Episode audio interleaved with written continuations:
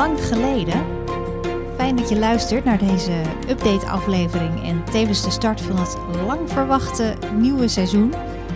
In deze aflevering praat ik je bij over mijn eigen derde zwangerschap. En vertel ik je wat je kan verwachten van de nieuwe bevallingsverhalen in eh, seizoen 7. En wanneer je ze kan verwachten. Nog belangrijker natuurlijk. Er zit een uh, behoorlijk lange pauze tussen seizoen 6 en 7. Dat uh, heb je waarschijnlijk wel gemerkt. Ik uh, had eerder ook al wel aangegeven op mijn Instagram-account. Misschien volg je me daar. Dat ik echt eventjes de tijd wilde nemen voor andere dingen buiten de podcast om. Ik had ook echt al zoveel afleveringen gemaakt. En hoewel mensen heel vaak denken dat er een heel team achter Potnataal zit, ben ik het nog steeds echt helemaal in mijn eentje. Dus het uh, maken van de afleveringen zoals ik ze wil, kost ook altijd heel veel tijd. Dus het was voor mij echt even wel uh, ja, het moment om uh, wat andere dingen op te pakken. En nee, die tijd in andere dingen te steken. En dan knipper je eigenlijk drie keer met je ogen en dan is er opeens weer een jaar voorbij gevlogen. Dat is echt gewoon bizar hoe snel dat gaat. Het is ook wel echt een jaar waarin er veel is gebeurd. Op uh, Instagram werd me regelmatig gevraagd om een update over mijzelf. Dus die geef ik nu. Want je hebt waarschijnlijk wel uh, meegekregen dat ik inmiddels in verwachting ben van mijn uh, derde kindje. En dat was een, een, wens die we al heel lang hadden, maar die eigenlijk maar niet uitkwam. En eigenlijk toen ik er gewoon niet meer op rekende, had ik opeens een positieve test in mijn handen. Het was uh, heel gek, maar natuurlijk ook gewoon een heel mooi cadeau. Al zijn er ook opnieuw gewoon weer twijfels hoor, moet ik eerlijk zeggen, die je misschien zelf ook wel zal herkennen. Je denkt toch weer dingen als, uh, ja, moet ik hier wel aan beginnen? Ik heb toch twee gezonde kinderen. Kan het dit keer nog wel een keer goed gaan? Al die zorgen en twijfels die je misschien uh, bij de eerste of bij de tweede hebt, die komen dus bij een derde gewoon net zo hard weer terug. En gelukkig uh, weten we inmiddels dat het uh, voor ons nog allemaal hartstikke goed gaat. De 20 weken echo was uh, perfect. Ja, en, en, serieus gewoon perfect als ik het vergelijk met mijn vorige zwangerschap van mijn dochter. Toen was het een, een heel gedoe om haar goed door die 20 weken echo te krijgen, omdat ze er toen een beetje gek voor lag. Dus toen moest ik allerlei toeren uithalen, springen, een glas cola drinken. Nou van alles en nog wat om de baby maar in de goede positie te krijgen. En dat was nu niet. Uh, hij lag er helemaal perfect voor. En uh, ze konden eigenlijk heel goed zien uh, nou, hoe het ervoor stond. En dat was gewoon goed. Dus dat is wel een enorme geruststelling. En nou, as we speak voel ik de baby lekker schoppen. Dus dat gaat ook allemaal nog hartstikke goed. De andere kinderen vinden het heel erg leuk. We hebben ze het natuurlijk verteld toen we het uh, op een gegeven moment bekend uh, gingen maken. Wel uh, wat langer mee gewacht, want ze zijn zeven en vier. Dus ze zijn nog op een leeftijd dat ze geheimen niet zo heel goed kunnen bewaren. Dus dat wilden we ze ook niet aandoen. Dus we hebben het eigenlijk vlak voordat het algemeen bekend mocht worden, zeg maar, aan hen verteld. En ja, ze vinden het gewoon fantastisch dat ze een, nog een, een broertje krijgen. En ja, ze zijn er ook best wel mee bezig. Niet elke dag natuurlijk, maar uh, er worden alvast tekeningen gemaakt voor de baby en uh, allerlei uh, knutselwerken. Dus hij krijgt zeker een heel warm welkom straks. Al denk ik ook wel dat het voor hun, ja, ze, denken natuurlijk nu dat het heel erg leuk en zo gaat worden. Dat wordt het natuurlijk ook, maar ja, een baby is in het begin natuurlijk nog, ja, doet nog niet zoveel behalve huilen en slapen en eten. Dus uh, dat, daar zullen ze wel even aan moeten wennen. Maar uh, ik heb er wel alle vertrouwen in dat dat, uh, dat dat helemaal goed gaat komen. Um, ja, en verder gaat het met mij ook goed. Ik merk dat het fysiek allemaal wel wat zwaarder begint te worden nu. Het is natuurlijk toch mijn derde zwangerschap. Ik ben wat ouder inmiddels. Um, ja, en het is natuurlijk ook een verschil als je zwanger bent van je derde of zwanger van de eerste, dan eh, bij die eerste, ja, dan heb je gewoon nog de tijd aan jezelf. Dan kun je, als je uit je werk komt, zeggen van nou, ik eh, plof even op de bank en uh, ik doe even niks meer. Maar ja, dat is er nu in ons geval eigenlijk niet echt bij. Want ik heb natuurlijk altijd nog die andere kids om voor te zorgen. En ja, er is altijd wel wat. Dus echt rustig aandoen, dat is gewoon wat ingewikkelder. En uh, ja, dat merk je gewoon wel fysiek, dat ik wel wat vermoeider ben. En s'avonds uh, gewoon snel in slaap val op de bank, meestal. en uh, ja, dat ik nu ook een beetje last heb van mijn bekken. Dat is wel vervelend. Dat had ik bij de andere zwangerschappen. Ja, kan me het niet meer, dus gek genoeg niet meer zo goed herinneren. Maar waarschijnlijk had ik er ook wel een beetje last van. Maar niet, niet zo snel al als nu. Niks ernstigs allemaal hoor. Maar wel dat, je, ja, dat het even wat vervelend kan zijn. En dat je er toch wel een beetje rekening mee moet houden. En niet zo kan doorrennen zoals ik normaal gewend ben. Dus um, ja, dat eigenlijk. En verder, verder gaat het allemaal fysiek gewoon heel erg goed. Lage bloeddruk, zoals ik dat ook had bij mijn andere zwangerschappen. Dus daar moet ik ook altijd wel even rekening mee houden. Maar dat is altijd nog veel beter dan een hoge bloeddruk. Dus wat dat betreft helemaal niet erg. Maar ja, je moet daar ook gewoon een beetje rekening mee houden met wat je doet. En um, ik ben inmiddels ook al ruim over de helft. Dus uh, ik ben al eh, bijna weer een beetje aan het denken aan mijn verlof. Dat schiet gewoon al op. En ook aan hoe en waar ik straks ga bevallen. Dat begint natuurlijk nu ook allemaal te spelen. Nou, je weet waarschijnlijk uit de podcast dat ik de eerste keer via een spoedkeizersnede ben bevallen omdat het uh, nou, na een lange natuurlijke bevalling uh, die kant op ging. En uh, de tweede keer een geplande keizersnede. Um, vanwege het verloop van de eerste bevalling. En mijn dochter lag in stuit. Dus die combinatie dat resulteerde in een geplande keizersnede. En dan wordt het eigenlijk automatisch de derde keer opnieuw een geplande keizersnede. Dus dat is wel waar ik op dit moment van uitga. Um, en uh, ja, dat is uh, best wel pittig. Daar zie ik uh, ook wel een beetje tegenop, zal ik je eerlijk zeggen.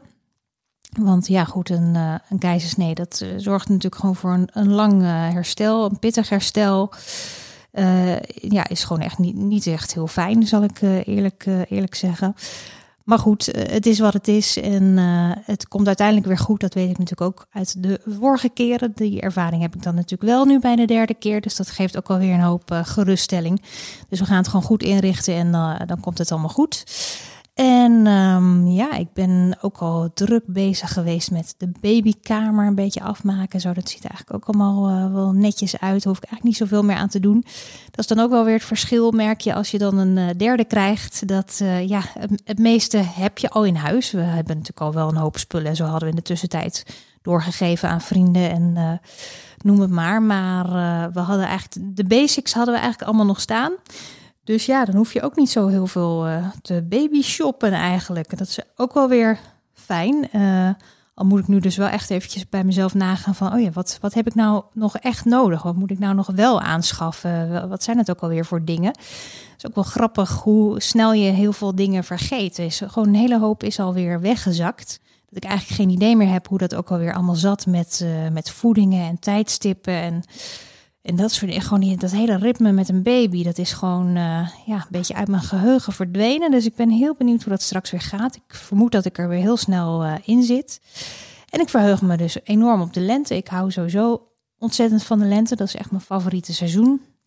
Nou, dat is ook het seizoen waarin ons kindje komt. En uh, ja, dat vind ik wel echt heel erg leuk. Want de vorige keren ben ik bevallen in september en oktober. Dus dan ga je toch naar een uh, ja, wat, wat donkerdere periode. Ga je toch die, die herfst en die winter in.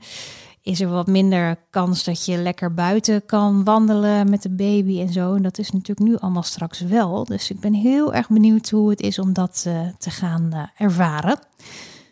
Dus ja, dat is een beetje hoe het er nu voor staat eigenlijk. Allemaal ja, goed nieuws wat dat betreft.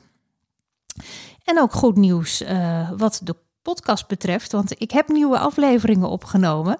Zoals ik al eh, had aangekondigd. Maar uh, nou, het duurde allemaal wat langer dan gepland voordat ze beschikbaar kwamen. Maar nu gaat het dan echt gebeuren.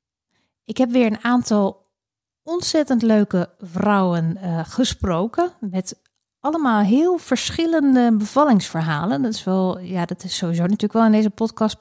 Probeer ik altijd wel een beetje te streven naar verschillende soorten verhalen. Maar uh, ja, ik kan wel echt wel met zekerheid zeggen dat deze verhalen heel erg uh, verschillen van elkaar. Allemaal weer heel verschillende vrouwen, maar ik heb ze echt allemaal weer in mijn hart gesloten. Ze zijn gewoon ontzettend uh, ja, fijne mensen allemaal. Met allemaal weer hun eigen verhaal. Ze verschillen ook echt heel erg van elkaar. Vind ik heel leuk. Ik heb een verhaal van een vrouw die bevallen is in Amerika.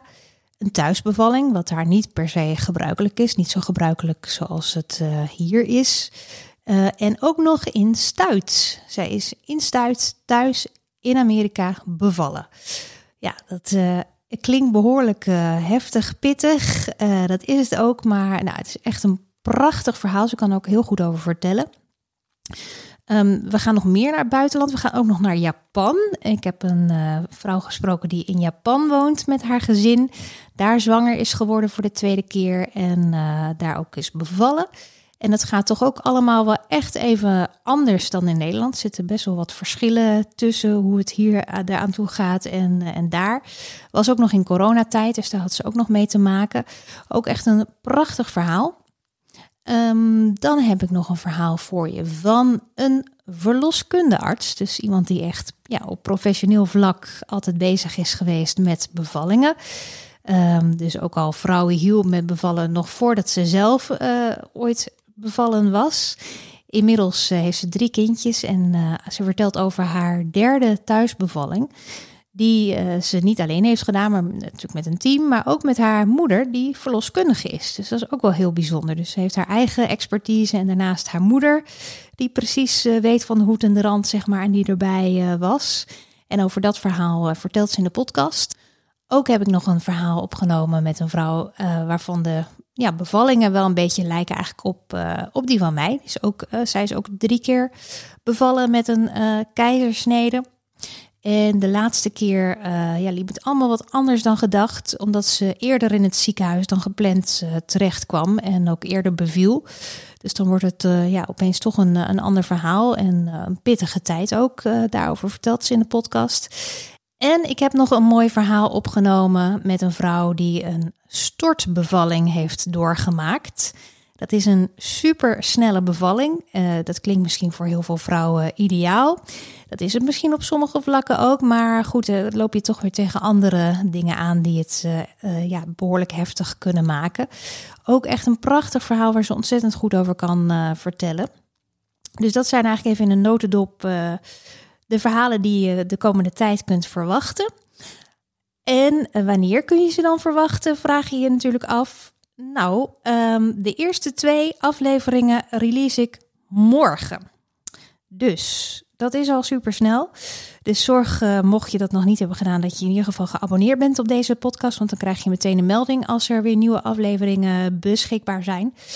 Um, en het is ook altijd handig en leuk om uh, even op Instagram te gaan en Potnataal daar te volgen. Het Potnataal. Mijzelf kun je ook nog volgen op Instagram. Simone underscore heet ik daar. Vind ik ook gezellig als je me daar komt uh, volgen. En je kunt natuurlijk al je vragen en opmerkingen die je hebt over de podcast daar uh, kwijt. Ja, dus ik uh, hoop dat ik je de komende tijd weer blij kan maken met deze mooie afleveringen. En ehm, nou, dat is in ieder geval, ja, het is een, om te beginnen een klein seizoen. Het zou kunnen dat er nog wat uh, afleveringen daarna volgen.